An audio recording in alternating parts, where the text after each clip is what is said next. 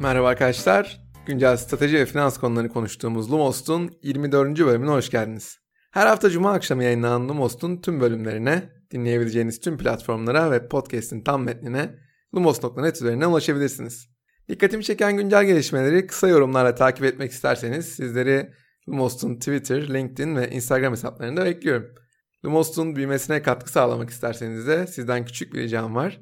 Ek Sözlük ve Apple Podcast üzerinden bıraktığınız değerlendirmeler Lumos'u sosyal medya hesaplarınızda paylaşmanız bu anlamda bana çok yardımcı oluyor. Lumos'un beraber konuşup fikir paylaşımında bulunabileceğimiz bir Telegram kanalı da var. Kanala katılmak için linkleri Twitter'da, Instagram'da ve bu bölümün açıklama kısmında bulabilirsiniz. Bu klasik girişten sonra 3 bölüm önce başladığımız sosyal medya serimiz hız kesmeden devam ediyor. Twitter ve Facebook bölümleri sonrası bu hafta konuğumuz Z jenerasyonunun favori sosyal medya uygulaması Snapchat. Haziran ayı başında Trump reklamlarını yayınlamaya kesen Snapchat, var olan sosyal medya savaşından en az etkilenen şirket konumunda. Snap'in hikayesini bu kez 3 döneme ayırarak incelemeye çalışacağız beraber. İlk olarak şirketin kuruluşundan 2016 sonuna kadar devam eden yükselme dönemini inceleyeceğiz. İkinci kısımda ise 2016 sonundan 2018 sonuna kadar devam eden Snap'in dibe doğru sürüklendiği IPO sonrası döneme bakacağız. Üçüncü kısımda ise 2018 sonundan günümüze kadar devam eden filmlerden alışkın olduğumuz geri dönüş hikayesini anlatma vakti gelecek. Podcast'in son kısmında ise şirketin finansallarını analiz edip gelecek stratejisi üzerine kehanetlerde bulunacağız. Hadi başlayalım.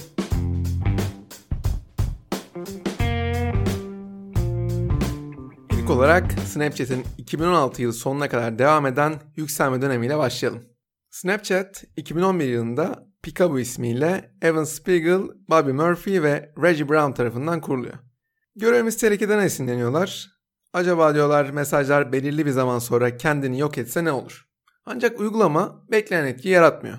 Uygulama istenen başarıdan uzak kalınca kuruculardan Reggie Brown ayrılıyor ve Snap iki kurucuyla yoluna devam ediyor. 2011 sonlarına geldiğimizde ikili bu kez Snapchat ismiyle uygulamayı tekrar App Store'a yüklüyorlar. Hayal ettikleri çok hızlı büyümeden uzak olsa da bu kez istedikleri ivmeyi yakalamaya başarıyorlar.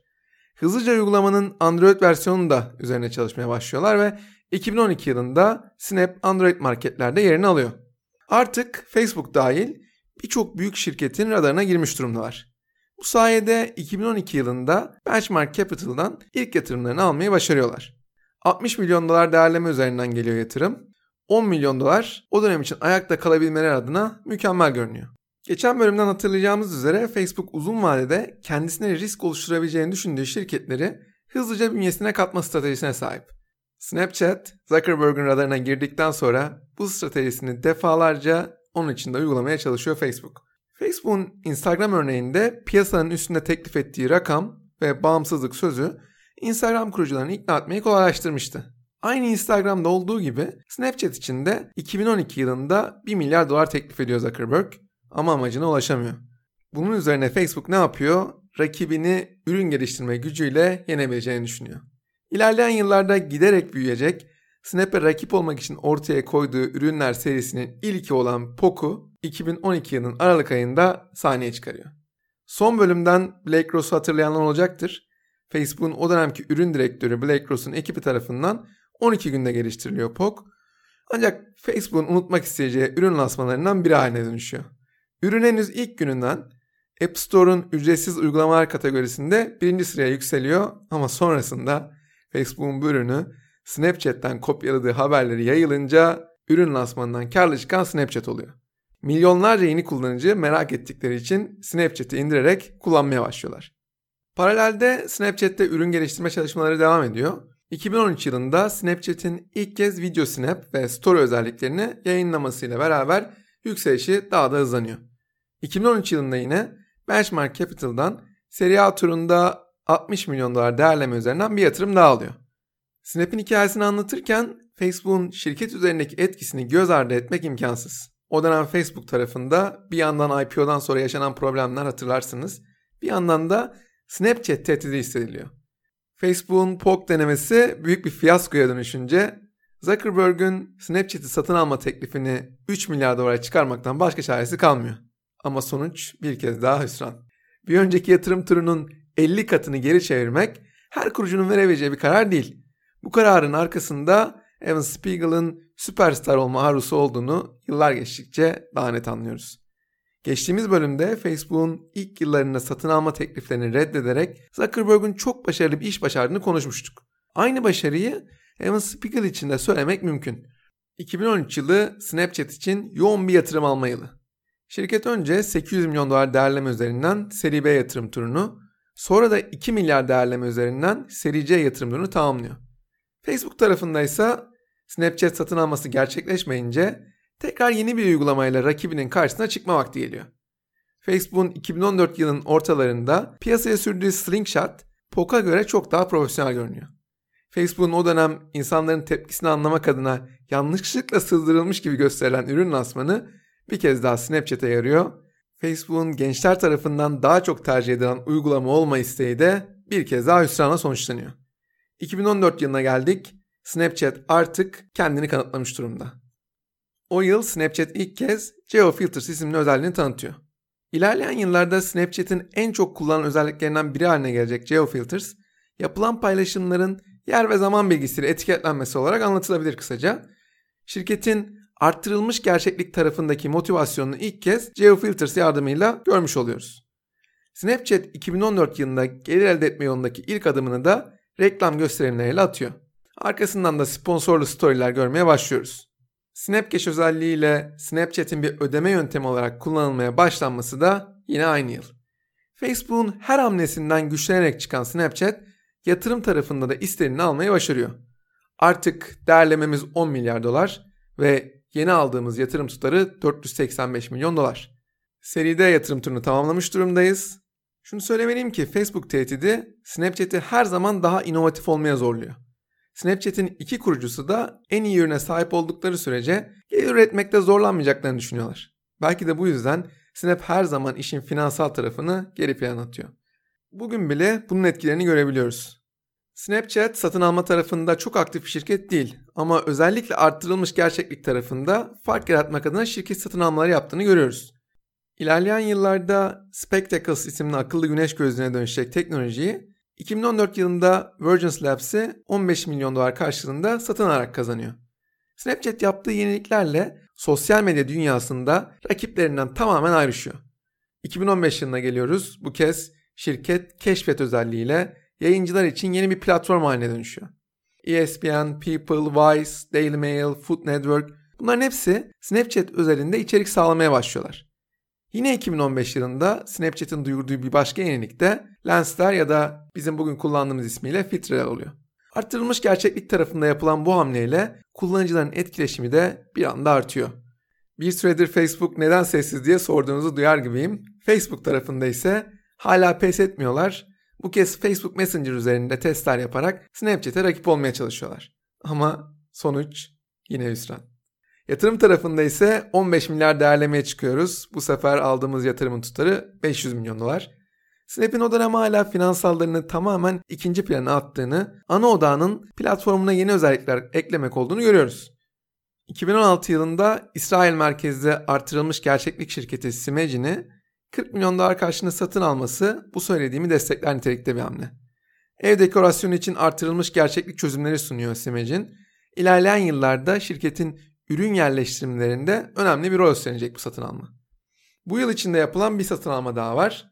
Bu kez Bitmoji yapımcısı Bitstrips. Bu satın almayla ne oluyor? Bitmoji entegrasyonunu da sağlamış oluyor Snapchat. 2016 yılında halka arzdan önceki son yatırımını 20 milyar dolar değerleme üzerinden yapıyoruz ve yatırım tutarımız 1.8 milyar dolar. Önemsiz bir ayrıntı olarak bu noktada şirketin ismindeki chat kısmını attığını sadece Snap ismiyle yola devam etme kararı aldığını görüyoruz. Snap artık kendisini bir sosyal medya şirketi olarak değil de kamera şirketi olarak tanımlıyor. Bu değişiklikle ilgili olmasa da bu noktadan sonra işler bozulmaya başlıyor.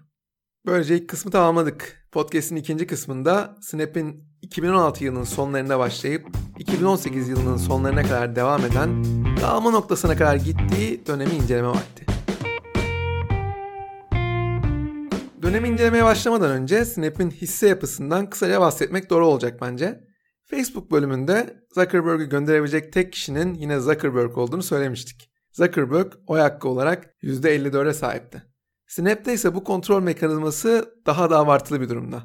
Şirketin kurucuları Bobby Murphy ve Evan Spiegel yönetim kurulundaki toplam oy hakkının tam %90'ına sahip. Kurucular bunu şirketteki A, B ve C hisse tiplerine borçlu. Eğer Snap şirketinde A tipi hisseye sahipseniz üzgünüm hiç oy hakkınız yok. B tipinde bir hisseniz varsa bir hisse için bir oy hakkınız var. Ama şanslı hazırlıktan biriyseniz yani C tipi hisseniz varsa bir hisse için tam 10 ay hakkınız var. Bu tarz bir yapılanmayı ilk kullanan şirket Google'dı. Google sonrası Facebook kullandı bunu, Groupon kullandı, Zynga kullandı, Fitbit kullandı, LinkedIn kullandı. Yani aslında kurucuların teknik olarak tek yetkili olduğu hisse yapılanması artık çok yaygın. Bugün Silikon Vadisi'nde çok popüler bir yöntem ama ben bunun uzun vadede değişeceğini düşünenlerdenim. Snap'in yönlendirici bir yönetim kuruluna ihtiyacı olduğunu düşündüğüm için bununla başlamak istedim önce. Bu bilgilerden sonra artık ikinci bölüme başlayabiliriz. Facebook yıllarca yaptığı denemelerden sonra sonunda Instagram Stories ile istediğini alıyor. Ama Snap'in düşüşü sadece buna mı bağlı? 2016 yılı sonlarında lansmanı yapılıyor Instagram Stories'in. Bu Facebook'un dördüncü kez Snapchat'i kopyalama girişimi. Diğerlerinin aksine yapı olarak da Instagram'a çok güzel uyum sağlıyor Stories özelliği. Bir anda Instagram'ın bambaşka bir seviyeye evrilmesini sağlıyor. Geçtiğimiz iki bölümde Facebook'un bu kadar büyük bir kullanıcı tabanına sahip olmasına rağmen neden Lovemark statüsüne erişemediğini konuşmuştuk hatırlarsanız. Facebook'un insanlar tarafından sempatik bulunmamasının sebeplerinden biri kesinlikle Snap'e uyguladığı yıldırma taktiği. Peki Snap nerede hata yaptı? Snap'in bir noktada finansallarına odaklanması gerekiyordu. Şirket halka arz edildikten sonra bunun yatırımcılar tarafından çok daha fazla eleştirileceği kesindi. Ek bir bilgi olarak tam bu dönemlerde Google'ın Snapchat'i 30 milyar dolar karşılığında satın alma girişimini de görmüştük. Ama bir kez daha bu satın alma da gerçekleşmedi. Gelir tarafında işler istediği gibi gitmiyordu ama Snap'in inovatif kimliği ve kullanıcı tabanı onu Silikon Vadisi'nin en değerli şirketlerinden biri yapıyordu. Şirketin yine bu dönemlerde Spectacles isimli akıllı güneş gözlüğünü 130 dolardan satışa sunması gelecek adına vizyoner bir girişimdi. Gözlüklerin satış rakamları tahmin edebileceğiniz üzere beklentilerin altında kaldı. Snapchat bu işten yaklaşık 40 milyon dolar zarar etti. Ama bu işin uzun vadede şirketin önemli bir parçası olacağını düşünüyordu Snapchat yönetimi. Snap kamera tarafında yapılacak inovasyonların insanlar arasındaki iletişimi arttıracağına inanan bir şirket. İlerleyen yıllarda bu gözlüklerin ikinci ve üçüncü versiyonlarını da piyasaya sundu ama hiçbirinde bir başarı elde edemedi. Buna rağmen denemeye devam edeceğine hiç şüphem yok. Twitter'ın halka arz edildiği gün değerinin %70 arttığını Lumos'un 21. bölümünde konuşmuştuk. Snap'in hikayesi de bu anlamda Twitter ile benzeşiyor. Snapchat 2017 yılında IPO'sunu yaptığında piyasa değeri 24 milyar dolar. İlk gün yaklaşık %45 prim yapıyor şirketin piyasa değeri bir anda 34 milyar dolara kadar çıkıyor. Aynı Twitter'da olduğu gibi bu değere geçen 3 yılı aşkın sürede ancak bugünlerde tekrar ulaşabilmiş durumda. Snap'in finansallarının açıklanmasıyla beraber problemler artık daha sesli dile getiriliyor. Eskiden olduğu gibi finansalları ikinci plana atmak teknik olarak mümkün değil. Henüz kar etmiyorsunuz, uzun vadede net bir stratejiniz yok. Böyle şirketlerin halka açıldıklarında ne kadar zorlandıklarını Hatırlarsanız Uber örneğinde görmüştük. Problemler neler? Verdiği hedeflere ulaşmak konusunda yetersiz. Şirketin kullanıcı tarafında büyümesi yavaşlamış. Gelir elde etmek konusunda atılan adımlar sonuca ulaşmıyor. Facebook gibi bir rakibiniz var ve her geçen gün elindeki kullanıcı gücüyle daha güçlü hale geliyor. Bütün bunlar Snap için işlerin pek de iyi gitmemesinin sebepleri. O güne kadar bildiği ürün geliştirme oyununu çok başarılı oynayan şirket yönetimi pek de oynamak istemediği gelir üretme oyununu oynamaya başlayınca çuvallıyor. Bu odak değişimi iyi yaptığı şeylerin de etkilenmesine yol açıyor. Snap bu dönemde talihsiz bir kararla uygulamanın tasarımını baştan aşağı değiştiriyor. Ve bu faydadan çok büyük bir zarara yol açıyor. Yeni tasarım kararının etkisini ilginç bir örnekle anlatmaya çalışayım sizlere. Lumos'un ikinci bölümünde sosyal medya tarafındaki gücünü uzun uzun konuştuğumuz Kylie Jenner, Snapchat'i en etkili kullanan isimlerden biriydi. Kylie Jenner'ın Snapchat'in yeni tasarımından sonra uygulamayı bir daha kullanmayacağını açıklaması Snap'in çöküşünü daha da hızlandırdı. Kylie Jenner'ın tweetleri sonrası Snap'in değeri 1.2 milyar dolar eridi. Snap'in içinde bulunduğu krizi anlatan bir başka olay da Suudi kraliyet ailesinden aldığı 350 milyon dolarlık yatırım. O dönem piyasa değeri 17 milyar dolar olmasına rağmen yaklaşık 11 milyar dolar üzerinden yatırım alıyor Snap. Kaçınılmaz sonun geldiğini bundan daha iyi anlatan bir işaret yok.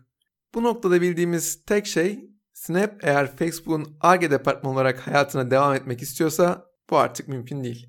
Scott Galloway'in Snap hissesi almayı sarhoş araba kullanmaya benzetmesi şirketin içinde bulunduğu durumu çok iyi anlatıyor. Snap'in o dönem donanım tarafına daha fazla yoğunlaşmak istediğini akıllı gözlüklerden sonra drone tarafında da denemeler yapmak isteğiyle görmüştük.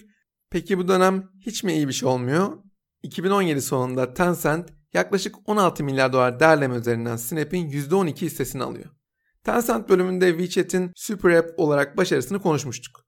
Podcast'in bir sonraki bölümünde Snap'in dipten çıkış hikayesinde bu yatırımın ne kadar değerli olduğuna bakacağız.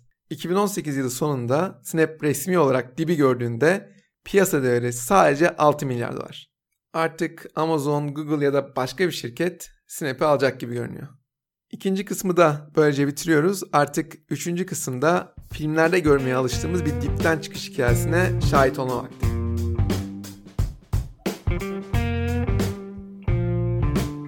2018 yılı sonunda dibi gördükten sonra Snap'in tekrar yükselişe geçebileceğine inanan sayısı yok denecek kadar az. Evan Spiegel'ın bu dönem tecrübeli isimlerden danışmanlıklar aldığını, finansalları düzeltmek adına daha profesyonel yaklaştığını görüyoruz. Kafa karışıklıkları ortadan kalkmış, şirket güçlü olduğu ürün inovasyonu tarafına odaklanmaya başlamış durumda. Snap'in sadık kullanıcıları tekrar platforma çekebilmesi gerekiyor. Bunun ilk adımını kullanıcı etkileşimleri çok kötü olan Android uygulamasını sıfırdan tekrar yazarak yapıyor. İkinci adımsa uygulamanın tasarım tarafında eleştirilerini dikkate alarak uygulamayı eski klasik haline çevirerek yapıyor.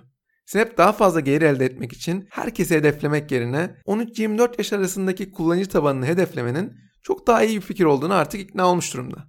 Snap için Facebook gibi milyarlarca kullanıcıya sahip bir sosyal platform olmak pek mümkün değil. Bunun yerine Z jenerasyonunun bütün ihtiyaçlarını karşılayabilecek bir super app olmak çok daha anlamlı. Super app deyince bu anlamda dünyanın en iyisi kim? WeChat. WeChat'in yapımcısı Tencent'in Snap'in yatırımcılar arasında olması, Snap stratejisinin daha sağlam temeller üzerine inşa edilmesini sağlıyor. Yapılan her yenilik Z jenerasyonunun uygulama üzerine geçirdiği zamanı arttırmaya yönelik. Snap'in arttırılmış gerçeklik üzerinden yarattığı o etkileşim oldukça değerli aslında. Bütün bunlar problemin doğru tespit edildiğini gösteriyor ama yükselişi sağlamak adına farklı bir şeyler denemek zorunda. Kullanıcıların platformla olan etkileşimini nasıl arttırabilirsiniz? Elinizde geçmiş yıllarda aldığınız başarılı şirketler var. Bu şirketlerin teknolojilerini daha yaratıcı şekilde kullanmak iyi bir fikir olabilir. Şirketin yaptığı yeniliklerden bahsetmeden önce M&A performansına kısaca bir bakalım. Facebook'un 85, Twitter'ın 60 şirket satın almasına karşılık Snapchat'in sadece 17 şirket satın alması yaptığını görüyoruz. Bu şirket satın almalarının içinde yüksek kalibreli bir satın alma hiç olmamış. Tamamının 250 milyon dolardan az fiyatlarla gerçekleştirildiğini, temel amacında şirketin ana ürününe inovatif özellikler eklemek olduğunu söyleyebiliriz. Snapchat'in bugün en çok ses getiren özellikleri ortaya koymasında, en inovatif şirketlerden biri olmasında bu satın almaların etkisi çok büyük. Steve Wang'ın liderliğindeki strateji ekibi başarılı startupları bulmak konusunda özel bir yeteneğe sahip. Ya tutarsız şeklinde yatırım yapmıyorlar, gerçekten ihtiyaç duydukları şirketleri olabilecek en uygun fiyatlarla almaya çalışıyorlar. Snap 2019 yılından itibaren Facebook gibi devin karşısında ayakta kalabildiyse bunu geçmişte yaptığı seçimleri başarılı şekilde platformuna entegre etmesine borçlu. Şimdi tek tek bu yeniliklere beraber bakalım. Snap'in ilk yeniliği Landmarkers ismiyle artırılmış gerçeklik tarafında oluyor. Snap'in 2016 yılında yaptığı önemli hamlelerden biri İsrail merkezli artırılmış gerçeklik şirketi Simagine'i 40 milyon dolar karşılığında satın almasıydı. Ev dekorasyonu için arttırılmış gerçeklik çözümleri sunan Simagine, bugün şirketin ürün yerleştirmelerinde önemli bir rol üstleniyor. Landmarkers özelliğinin ortaya çıkışında Simagine'in teknolojisi Snap'e çok yardımcı olmuş görünüyor. Bu özellik New York'taki Flatiron, İstanbul'daki Galata Kulesi, Paris'teki Eiffel Kulesi gibi popüler mimarilerin üzerine artırılmış gerçeklik filtreleri yerleştirmeyi sağlıyor. Özellik o kadar çok ilgi görüyor ki bir anda viral şekilde büyüyor. Özellikle HBO'nun Game of Thrones sezonunun açılışına özel yarattığı filtreleri Flatiron üzerine yerleştirmesi artırılmış gerçeğin reklam tarafında ne kadar başarılı kullanabileceğini gösterdi bizlere. Daha sonra ne oldu? Bunun Jumanji gibi farklı film lansmanlarında da kullanıldığını gördük. Snap'in ikinci yeniliği de yine artırılmış gerçeklik tarafında geldi. Ürünleri tarayarak bilgi edinmemizi sağlayan scan özelliği 2014 yılında 50 milyon dolar karşılığında satın aldığı Scan.me ekibinin Snap'e bir hediyesi. Snap bugüne kadar arkadaş eklemesi ya da lenslerin kilidini açmak için bu özelliği kullanıyordu. Bugün geldiğimiz noktada özellik yepyeni bir kullanım kazandı. Şu aşamada Snap, kullanıcıların köpek türleri hakkında bilgi almaları için Dog Scanner, bitki türleri hakkında bilgi almaları için Plant Snap, marketlerdeki paketli ürünler hakkında bilgi almak için de Yuka ile ortaklık yapıyor. Önümüzdeki dönemde bu ortaklıkların sayısının hızla artmasını bekleyebiliriz. Snap'in oldukça başarılı çalışan bu özelliği reklam tarafında da yepyeni birliktelikler sağlayabilir bence. Reklam tarafında ilk işbirliği Louis Vuitton ile yapılmış. Kullanıcılar Louis Vuitton ürünlerini tarıyorlar. Ürünler hakkında bilgi alabiliyorlar. Snap'in şu aşamada çok fazla satmasa da geliştirmeye devam ettiği o Spectacles isimli akıllı güneş gözlükleri de scan özelliği yardımıyla bambaşka bir işlev kazanabilir. Snap'in 3. yeniliğinin de artırılmış gerçeklik tarafından gelmesi bence şaşırtıcı değil. Yenilikleri denemek konusunda en istekli kitleye sahipsiniz. Özellikle artırılmış gerçeklik tarafında bu büyük bir avantaj sağlıyor size. Bugün geldiğimiz noktada günde ortalama 4 milyar snap yaratılıyor. Günlük aktif kullanıcılarının %60'ından fazlası en az bir kez snap yaratıyor. Bu kadar geniş bir kitle arttırılmış gerçeklik özelliklerini kullandığında Snap de çok daha fazla yenilik deneyebiliyor. Snapchat'in üçüncü yeniliği Cameos isimli deepfake özelliği. Kullanıcıların önceden hazırlanmış videolara kendi yüzlerini eklemelerini sağlıyor bu özellik. Bu da şirketin yenilikçi kimliğine uyum sağlamış durumda. Snap'in bu yeniliği de daha önce yaptığı bir satın almayı başarılı şekilde platformuna eklemesi sonucu. Snapchat 2015 yılında animasyonlu selfie özelliğini geliştirmek için Ukrayna'dan Luxeri isimli girişimi 150 milyon dolar karşılığında satın alıyor. Bugün Snapchat'in en fazla kullanılan lenslerini ya da bir başka ismiyle filtrelerini Snapchat bu satın almaya borçlu. Snap, Luxeri'nin kurucusunun yeni girişimi AI Factory'yi de 2020 yılının başında 166 milyon dolar karşılığında satın alıyor. Bu sayede ne oluyor? Cameos gibi kullanıcıların çok sevdiği bir özellik sunulabiliyor. Geldik Snap'in dördüncü yeniliğine. Bu kez Keşfet platformu üzerinden geliştirilen yepyeni bir premium içerik işi var karşımızda. Yıllardır var olan Keşfet tarafı artık gelir üreten bir işe dönüşüyor.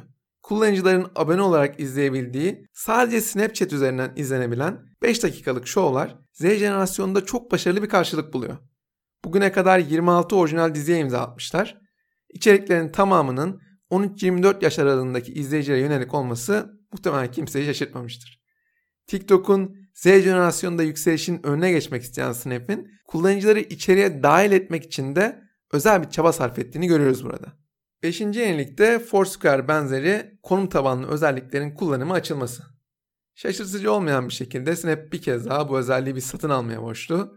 2017 yılında 213 milyon dolar karşılığında satın aldığı Zenly, bugün kullanılan lokasyon tabanlı yeniliklerin ana sağlayıcısı durumunda. Geçmişte piyasaya sürdüğü SnapMap'in daha gelişmiş bir versiyonu olan Passport özelliği yardımıyla insanlar bitmojileriyle konumda bulunma amaçlarını paylaşabiliyorlar.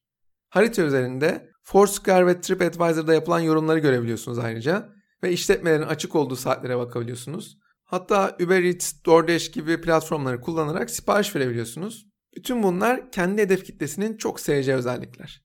Snap'in yaptığı yeniliklerle her geçen gün Super App olmaya daha fazla yaklaştığını görüyoruz. Şirketin bu yolda attığı bir diğer yenilik ise oyun tarafı. Gerçek zamanlı birden fazla oyuncunun katıldığı oyun deneyimi tahminlerinin de üstünde görüyor. Snap'in oyun tarafına ilgisi yine 2017 sonlarına kadar uzanıyor. O dönem Avustralya menşeli bir şirket var Pretty Great. Bu şirketi sessiz sedasız satın alıyorlar. Pretty Great tanınan bir oyun stüdyosu değil ama Fruit Ninja, Jetpack, Dandyman gibi başarılı oyunların yapımcısı Halfbreed'den ayrılan bir ekibin kurduğu bir stüdyo. Bu anlamda oldukça yetenekli olduklarını söyleyebiliriz. 2019 Nisan ayında açılan Snap Games, bugün geldiğimiz noktada 100 milyondan fazla kullanıcının oyun oynadığı bir yere dönüşmüş durumda. Platform bu kadar başarılı olunca yakın zamanda Zynga ile yeni bir işbirliği yapacağını duyurdular. Geçmişinde Facebook ile çok başarılı bir birlikteliği olmuştu Zynga'nın Snap ile yapacağı ortaklık iki taraf için de güzel sonuçlar ortaya çıkarabilir gibi. Bir grup arkadaşın oyunu yüklemesi, hesap oluşturması, oyuna bağlanması gibi süreçler göründüğünden çok daha zahmetli aslında. Snap'in çoklu oyun deneyimi tüm bu pürüzleri ortadan kaldırdığı için güzel bir problemi çözüyor gibi. Dünyanın en büyük oyun şirketi Tencent'in ilerleyen dönemde farklı oyunlarla Snap'e katkı sağlamasını da bekleyebiliriz. Snap'in açıkladığı rakamlara göre Bitmoji Party isimli kendi oyununu ortalama bir oyuncu her gün 20 dakika oynuyor. Her oyunun başında gösterilen 6 saniyelik reklamlarla güzel bir gelir modeli ortaya koymuş durumda. Bugüne kadar da iyi çalışıyor görünüyor. Snap henüz oyun işinden ne kadar gelir elde ettiğini açıklamıyor. Ancak 2022 yılında yıllık 350 milyon dolarlık bir gelir elde edebileceğine dair analizler var. Son bir yıllık döneme baktığımızda yıllık 1.7 milyar dolar gelir elde ediyor Snap. Oyun tarafı kesinlikle büyük bir potansiyel vaat ediyor gibi. Lumos'un 19. bölümünden hatırlayacağınız Hyper Casual oyun kategorisinin en önemli oyuncusu Voodoo'nun da oyunlarını Snap Games'te yayınlamaya başlayacağını eklemeliyim. Snap'in oyun tarafında yakaladığı başarı onu Tencent'e benzer başka denemeler yapmak konusunda da umutlandırdı. Strateji olarak WeChat'i örnek alsa da iki şirket arasında kullanıcı sayıları bakımından büyük bir fark var. WeChat sahip olduğu 1.2 milyar kullanıcıyla yazılımcıları ikna etmekte pek zorlanmıyor. Çin dışındaki ülkelerdeki kullanıcılar telefonlarında sadece bir tane uygulama marketi olmasına alışkınlar. Çin'de %5'in üzerinde pazar payı olan 7 farklı uygulama mağazası var. WeChat ne yapıyor? Geliştiricilere hiçbir uygulama marketinin sağlayamadığı bir kullanıcı tabanı sağlıyor. Yani WeChat'in yazılımcıları ikna etmek konusunda doğal avantajları var. 300 milyondan fazla insan 2019 yılında WeChat içindeki programlara 115 milyar dolar harcadılar. Snap bunların hiçbirine sahip değilken acaba geliştiricileri nasıl ikna edebilir? Bence ikna edebileceği en önemli avantajı grup etkileşimine imkan sağlaması. Snap sosyal medyadaki bir sonraki dönemin tek başına yapılan bir aktivite olmaktan çıkıp grup etkileşimlerine kayacağına inanıyor. Snapchat'teki mini uygulamalar kullanıcıların film bileti almak, alışveriş yapmak, meditasyon yapmak gibi çeşitli aktiviteleri birlikte yapabilmelerini sağlıyor. Snap'in bu uygulamalardan elde ettiği geliri geliştiricilerle nasıl paylaşacağı konusunda tam olarak bir açıklama yok. Ama Apple'ın App Store üzerinden, Google'ın Google Play üzerinden yapılan alışverişlerde %30 komisyon aldığını biliyoruz. Snap elde ettiği gelirin %30'unu Apple'a ya da Google'a ödemek zorunda. Geriye kalan kısmın ne kadarını kendisine alacağı konusunda şu an için bir bilgi yok. Ben Snap'in bu uygulamalardan kısa vadede önemli bir gelir elde etmesini beklemiyorum. Ama kullanıcıların platformla olan etkileşimini arttırıp onların daha uzun süre platformda kalmalarını sağlamak Snap'e reklam gelirleri anlamında pozitif yansıyacaktır. Tüm bu iyileştirmeler o kadar başarılı oldu ki Snap Fast Company tarafından 2019 yılının en inovatif şirketi olarak seçildi. İlginç olan artırılmış gerçeklik özelliklerinin sadece insanlara değil onu çevreleyen dünyada da kullanılmaya başlanması Bleeper isimli bir zamanların popüler girişimi tarafından denenmişti. Halihazırda kullanıcı kitlesi olmadığı için artırılmış gerçekliği gelire dönüştürmek konusunda pek bir aşama kaydırmayarak batmışlardı. Snapchat'e bakıyoruz. Çok istekli bir kullanıcı kitlesi var. Bu anlamda süper şanslı. Bu noktada podcast'in 3. kısmını da bitirdik. Son kısımda şirketin finansallarını konuşma ve gelecek stratejisi üzerine kehanetlerde bulunma vakti. Snap'in 2017-2019 yılları arasında günlük aktif kullanıcı sayısının 190 milyon bandında sabit kaldığını görmüştük.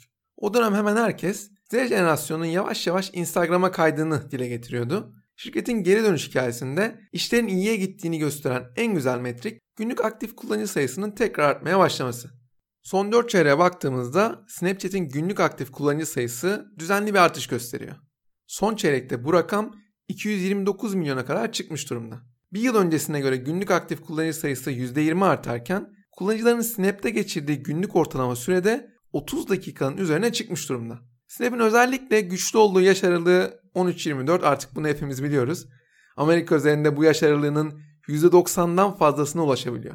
Bu hakimiyetin İngiltere, Kanada, Fransa ve Avustralya'da da aynı yaş aralığında devam etmesi süper olumlu. Snap'in paylaştığı verilere göre bu yaş aralığındaki kullanıcı tabanı Facebook, Facebook Messenger ve Instagram'ın hepsini birleştirdiğimizde oluşan kullanıcı tabanından bile daha geniş. 13-34 yaş aralığına baktığımızda da Amerika üzerinde %75'e ulaştıklarını görüyoruz ki bu da çok iyi bir rakam. Yani Y ve Z jenerasyonunu hedefleyen bir marka için Snap'ten daha iyi bir alternatif yok gibi. Kullanıcı sayılarının ve etkileşimin artması finansallara pozitif yansısa da hala önünde gitmesi gereken çok yol olduğunu da kabul etmemiz lazım. Şirketin karlılığa ulaşması yakın gelecekte pek mümkün görünmüyor. En azından pozitif free cash flow üretmesi bile bence başarı. Son bir yıllık dönemde 1.85 milyar dolar gelir ürettiğini söylemiştim daha önce. Çeyrek bazlı karşılaştırdığımızda bir önceki yıla göre gelirlerinde %44'lük bir artış söz konusu. Snap günlük aktif kullanıcı başına 2 dolar gelir elde ederken burada rakiplerinin çok gerisinde görünüyor. Hatırlarsanız Facebook günlük aktif kullanıcı başına yaklaşık 8 dolar, Twitter 5 dolar gelir üretebiliyordu. Snap gelirlerini arttırmasına rağmen günlük aktif kullanıcı başına gelir artışı göremiyoruz. Bu bir problem. Finansalların gider tarafında ise durum daha da kötüleşiyor. Facebook'un %81 brüt kar marjı var. Twitter'ın %65 brüt kar marjı var. Snapchat'in ise sadece %45 brüt kar marjı var. Operasyonel karlılığa baktığımızda tablo hiç istemediğimiz bir noktaya gidiyor ve kullanıcı başına toplam giderler 3.3 dolara kadar çıkıyor. Şirket operasyonel anlamda günlük aktif kullanıcı başına 3.3 dolar harcıyor. Kullanıcılardan yalnızca 2 dolar geri elde edebiliyor. Kötümserler var. Ne diyor bunlar? Şirket elinde sonunda elindeki nakdi sıfırlayacak ve batacak. Ama ben elinde 2 milyar dolardan fazla nakit ve benzeri olması sebebiyle bu ihtimalin çok düşük olduğunu düşünüyorum. Piyasa değeri 37 milyar dolara kadar çıkan Snap'in gelir çarpanı 20'ye yaklaşmış durumda. Bu çarpan rakiplerine göre oldukça yüksek. Demek ki piyasa Snap'in geleceğine inanıyor. Beklenti Snap'in kullanıcı başına daha fazla gelir elde etmesi ve kullanıcı sayısındaki büyümeyi devam ettirmesi. Peki Snap bunu nasıl başarabilir? Snap için alternatif gelir üretmek konusunda yapabileceği başka bir hamle olabilir mi? Son bölümde kehanetlerle bu sorulara cevap vermeye çalışacağım. Ben gelecekte Snap adına en büyük fırsatın eğitim sektörünün olduğunu düşünüyorum. Artırılmış gerçeklik teknolojisinin öğrenme deneyimini bir başka boyuta taşıdığı artık herkes tarafından kabul ediliyor. Bu teknolojiyi hali hazırda Snap kadar efektif kullanan bir şirket daha yok. Şirketin her geçen gün bu alandaki yeteneklerini de arttırdığını görüyoruz. Covid-19 sonrası uzaktan eğitimin her geçen gün daha önemli hale geldiğini düşünürsek bu alanda önemli bir gelir yaratma şansı var görünüyor. Snap teknik açıdan sofistike özellikleri sadece eğlence odaklı kullandığı için bu alanda ne kadar ileride olduğu bazen unutulabiliyor. Peki Snap bunu nasıl gerçekleştirebilir? Teknik olarak ne kadar iyi olursanız olun bunu doğru eğitim materyalleriyle birleştirmeden başarılı ürünler ortaya koymak çok zor. Ben bu noktada Zspace'in güzel bir satın alma hedefi olduğunu düşünüyorum. Eğer satın alma yaparak risk almak istemezse de geri paylaşım modeliyle bir ortaklık kurulabilir. Peki neden Zspace? Amerika'da Zspace isimli girişimin eğitim setleri bugün binlerce okulda kullanılıyor. Zspace'in eğitim materyallerine baktığımızda ilkokuldan üniversiteye kadar çok geniş bir yelpazede eğitim setleri görüyoruz. Zspace'in problemi donanımsal açıdan yatırım gerektiriyor olması. Ellerinde bu kadar başarılı eğitim setleri olmasına rağmen büyümelerindeki en büyük engel bu yatırım zorunluluğu. Zspace ile yapılacak bir ortaklıkla beraber Snap yepyeni bir işlev kazanabilir. Ücretli abonelik modelleriyle çeşitli eğitim setleri yine Snap üzerinden satılabilir. Hatta Snap'in akıllı gözlük teknolojisiyle entegre çalışabilecek bir yapı bile kurulabilir. Şirketin Z jenerasyondaki penetrasyon oranlarını düşününce hem okullar hem aileler hem de kullanıcılar için bir fırsatın varlığına inanıyorum ben. İkinci bir kehanette Snap'in Spotify ile birleşmesi üzerine. Her ikisi de tekrar yükselişe geçtiği için gerçekleşmesi kolay görünmüyor ama iki inovatif şirketin birleşmesi heyecan verici olabilir. Birbirini tamamlayan iş modelleri var, kullanıcı tabanlarının uyumu söz konusu, oluşacak çok daha güçlü bir reklam potansiyeli var, çok daha hedefli reklamlar verebilirler ve büyük beşler arasına giremese de orayı zorlayabilecek bir şirket ortaya çıkabilir. Evet artık podcast'in sonuna geldik. Sonuç olarak Snap hala hedeflenen karla ulaşamıyor olsa da artık eskisinden çok daha olgun ve kendisini daha iyi tanıyan bir şirket. Kurucularının giderek tecrübe kazanması ve yenilik denemekten vazgeçmeyen yapıları gelecek adına umut verici. Önümüzdeki dönemde Snap'in yükselişini yakından izlemeye devam edeceğiz. Haftaya görüşmek üzere.